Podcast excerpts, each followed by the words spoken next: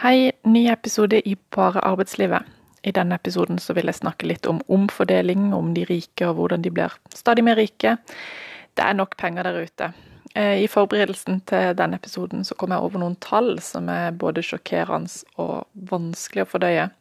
Og når vi snakker om urettferdighet, så er det jo lett å sjøl bli litt fanga i en sånn miserabel spiral. Så jeg håper at du tar deg bryet med å høre hele episoden. Mitt navn er Hege Helvik, og jeg er utrolig engasjert i arbeidslivet. Send meg en mail hvis du har erfaringer eller innspill på arbeidslivet.hotmail.com. Vi står på som noen gærninger hele arbeidsbunchen, og særlig nå etter sommerferien så kan det virke som om det er noen som har fått en slags arbeidslyst over seg, for nå hagler det inn med oppgaver av ting som skal gjøres. Og midt oppi dette så starter jo skole og barnehage, foreldrerollen skal fylles med verv, dugnader og foreldresamtaler og fritidsaktiviteter skal bemannes med kosegrupper og trenere, og ingen av oss har egentlig særlig lyst eller tid til å gjøre noe av dette, fordi vi allerede er så dritslitne av fulle arbeidsdager, henting og levering, og slitne unger som nekter å stå opp om morgenen, nekter å kle på seg, nekter å spise både frokost, nista og middagen, og nekter å legge seg igjen når kvelden kommer. Aller helst så vil vi jo bare synke fredfullt ned i sofaen og give innpå med smågodt helst hver dag. Men for å få råd til denne sofaen og TV-en og rommet som TV-en henger i og alt tilhørende rundt, sykkelbil, hage og veranda, ja, da må vi jobbe masse og minst 37,5 timer i uka. Og så tjener vi jo en hel del de timene vi jobber, dette er jo påpekt før.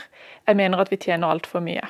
Men for en ung sjel i etableringsfasen er jo summen vi tjener for liten. De unge i dag kommer ikke inn på boligmarkedet. Og når du må inn ut med fire millioner for å kjøpe din første leilighet, så sier det seg sjøl at det er krevende. Vi som har vært i boligmarkedet eh, et lite tiår allerede, eller mer, har tjent opp en million eller mer i bare det å bo, og det er vel her det begynner å snakke om det som er urettferdig, og ikke så veldig upassende å si at vi er noen generasjoner nå som trekker stigen opp under oss. Og når jeg ser på tallene, så er det iallfall tydelig for meg at de rammene vi forholder oss til i dag, det er ikke bærekraftig.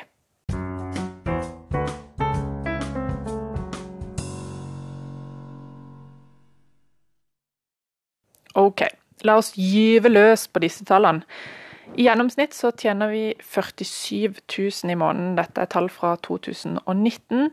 Og jeg vet at det er mange som tjener mindre enn dette, og en god håndfull som tjener mer. Faktisk så er gjennomsnittsinntekten på statlig nivå i Norge på 51 000 i måneden. Bare nevner det. Så eh, hvis du ser stort på det, så er det jo kun snakk om å eie en ekstra bil i året. 100 000 fra eller til. Så disse små forskjellene plager meg ikke så mye. Men så får jeg høre om tannleger i Norge som tjener 200 000 kroner i måneden. Jeg sitter som et spørsmålstegn, og så regner jeg på forrige tannlegetime, en helt vanlig rutinesjekk til rett under 1000 kroner for timen, som egentlig er en halvtime, og egentlig bare 15 minutter med selve tannlegen. Hvis tannlegen er skikkelig effektiv og har tre kunder i timen, så kan de jo gi en inntekt på 22 000 per dag, som i løpet av en arbeidsmåned kan gi rundt en halv million i inntekt. Og så må det deles på sekretærer og leie til lokaler og eh, skatteinntekter osv. Men så blir jeg jo da høflig minnet om hastetimer som kan koste opp mot 10 000 kroner. Og det å ha vondt i ei tann kan være skikkelig vondt. Jeg har heldigvis ikke hatt så mye trøbbel med mine tenner, men fikk vanvittig vondt etter å ha trukket en visdomstann for mange år siden. Jeg husker at det var så vondt at jeg på et tidspunkt tenkte at det var bedre å bare ende det hele med å hoppe ut av vinduet. Og dumme meg hadde ikke engang huska å ta Paracet. Eh, jeg lå bare der og syntes veldig synd på meg sjøl. Så ok, kanskje det ikke er så rart at tannleger kan tjene ganske bra eh, på at vi har vanvittig vondt å betale hva det skulle være for å slippe. For ikke å nevne all kirurgiske pyntinger som tannleger helt sikkert velvillig tar en god pris for. Faktisk så har mange sett muligheten nå til nettopp å gjennomgå kirurgiske inngrep i ansiktet, fordi de kan dekke det hele til med ansiktsmaske når de er ute blant folk, uten at det skal se så veldig rart ut. Så antageligvis tjener tannleger og andre kosmetiske kirurger ganske bra i disse dagene. Og selv om det sikkert føles ganske så rått å få inn 200 000 på konto hver måned, så misunner jeg egentlig ikke jobben til tannlegene så veldig mye. For egentlig så syns jeg litt synd på hun som må rense opp i min munn. Og jeg tar egentlig ganske godt vare på tennene mine. Så tenk på alle de munnene de må jobbe seg gjennom hver dag, ikke akkurat en drømmejobb i mine øyne, men en viktig jobb på mange måter, og med de rette motivasjonene sikkert helt tipp topp. Jeg digger iallfall min tannlege, hun er veldig hyggelig, så om pengene må til for at folk skal gidde å glo ned i munnene våre, så er det helt OK, tenker jeg. Men det jeg ikke syns er like OK, er da jeg, etter å ha hørt om tannleger som tjener 200 000 og mer i måneden, fikk høre om avdelingsledere i store norske banker som tjener 3 millioner i måneden. 3 millioner i måneden, det er ikke OK. Jobben din er å dirigere folk eh, og gjøre forhåpentligvis litt kvalifiserte gjetninger på hvor det er lurt å putte tallene eller pengene. Og når du gjetter riktig, ta-da, tre millioner inn på din konto. Gjetter du feil, taper enorme summer med penger, ingen problem. Da får du bare to millioner den måneden. Jeg vet ikke helt hvordan det der systemet fungerer, men jeg vet at mange økonomer har tatt økonomiutdannelsen nettopp for å tjene penger. Og det er en del av de som virkelig gjør. Men tre millioner inn på konto i måneden, det er ikke OK. Når det er sagt, forskjellene i Norge er relativt lave, sies det. Men det skjer en utvikling her hvor de rike blir stadig litt mer eh, rikere. Og For å forstå hvor voldsomt dette er, så må jeg vise til det hele eh, globale perspektivet. Se for deg jordas befolkning på 7,8 milliarder, og så deler vi de to. Deretter tar du den fattigste halvdelen på 3,9 milliarder mennesker og så summerer du opp alt hva de har av rikdommer. Og Denne summen fra 3,9 milliarder mennesker tilsvarer det samme som de 85 rikeste menneskene i verden eide i 2014.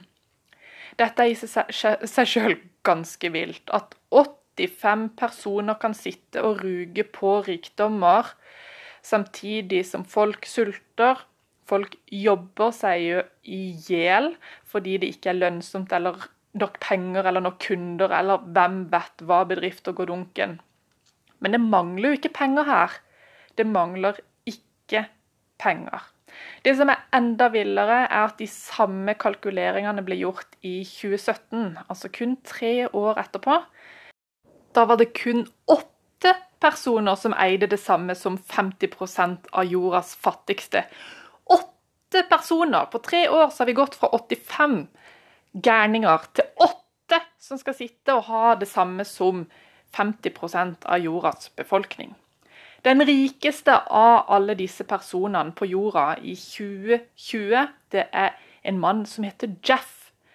Han er mannen bak Amazon. Og i 2017, da eh, det var åtte personer som var like rike som de 50% fattigste, så var Jeff på tredjeplass.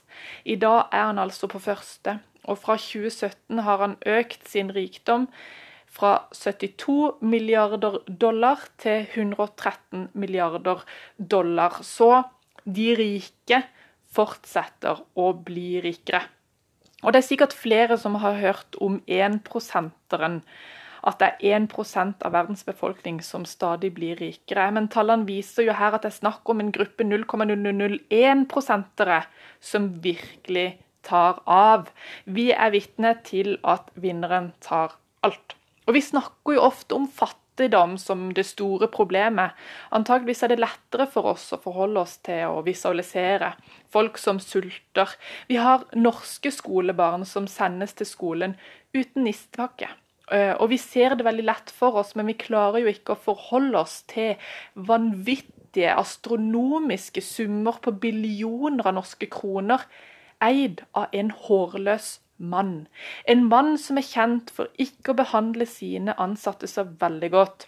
Så mens disse ansatte står på, jobber livet av seg i Amazons lokaler, og attpåtil får dritdårlige lønninger, så blir altså Jeff stadig rikere. De fleste som topper verdens rikingliste, kommer fra USA, og USA er et strålende eksempel på økende forskjeller. Samtidig som de ultrarike blir rikere, har inntekten til de 50% fattigste i USA økt med 0% de siste 30 årene. Altså ingenting. Mens de rikeste 1% har hatt en inntektsvekst på 300 et av firmaene som går igjen på verdens mest rike, er Walmart. I 2020 er det tre arvinger inne på topp ti av verdens rikeste. Walmart er et gigantisk selskap som drifter over 10 000 supermarkeder og matbutikker i en rekke land. Samtidig som eierne i selskapet har rikdommer på 50 milliarder dollar hver, betaler de en slikk og ingenting til sine ansatte. Enkelte av de ansatte får så lite som 150 000 norske kroner i året. Faktisk tjener de ansatte på Walmart så lite at de må få offentlig hjelp som matkuponger og subsidierte boliger i USA. Og jeg skjønner jo at mye vil ha mer, men når du har 50 milliarder på bok, da er det vel ikke så mye å be om at eh, du kan gi litt ekstra i lønn til dine ansatte som driver og slaver for deg. hva skal du egentlig med 50 milliarder?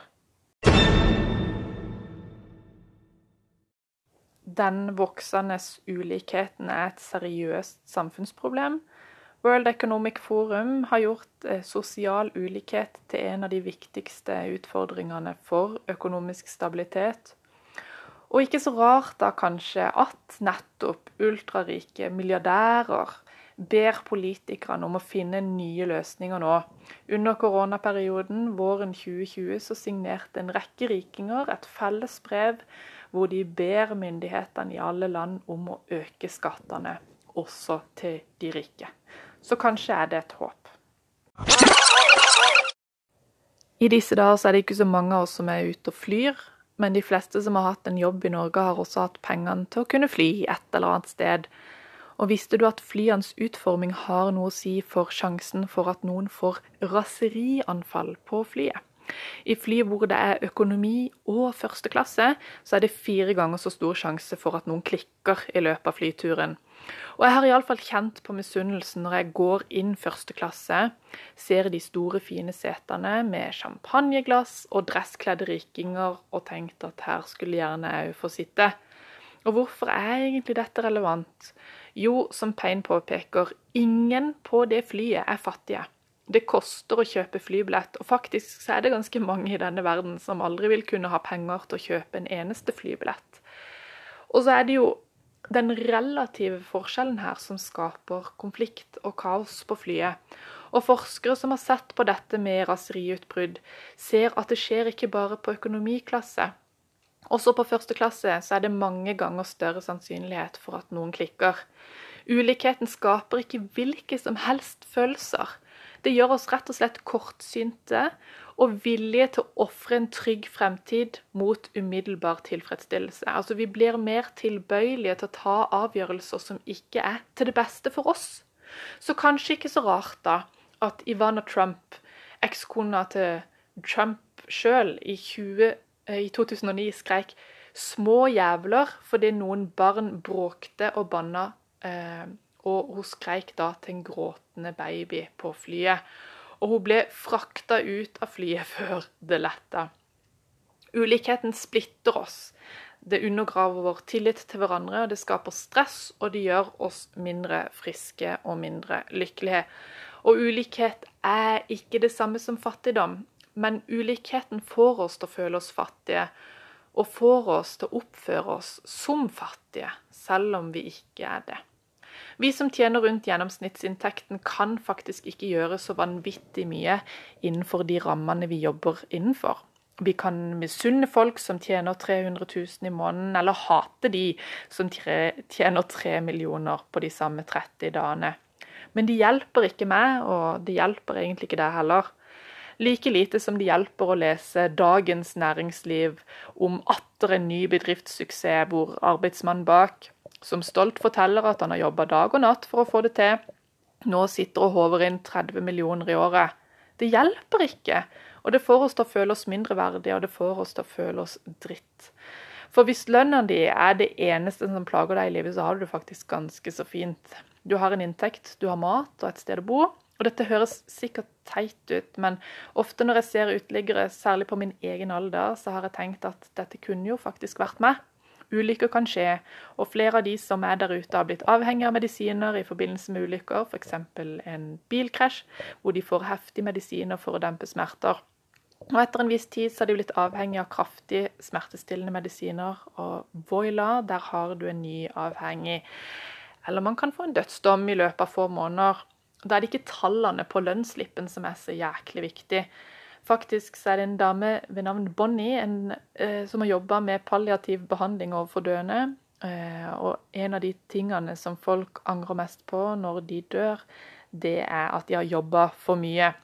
Skal vi ta noen av tipsene fra de døende som Bonnie beskriver i sin bok, så vil det være noe slikt som Lev det livet du selv ønsker, og ikke det livet som alle andre forventer av deg.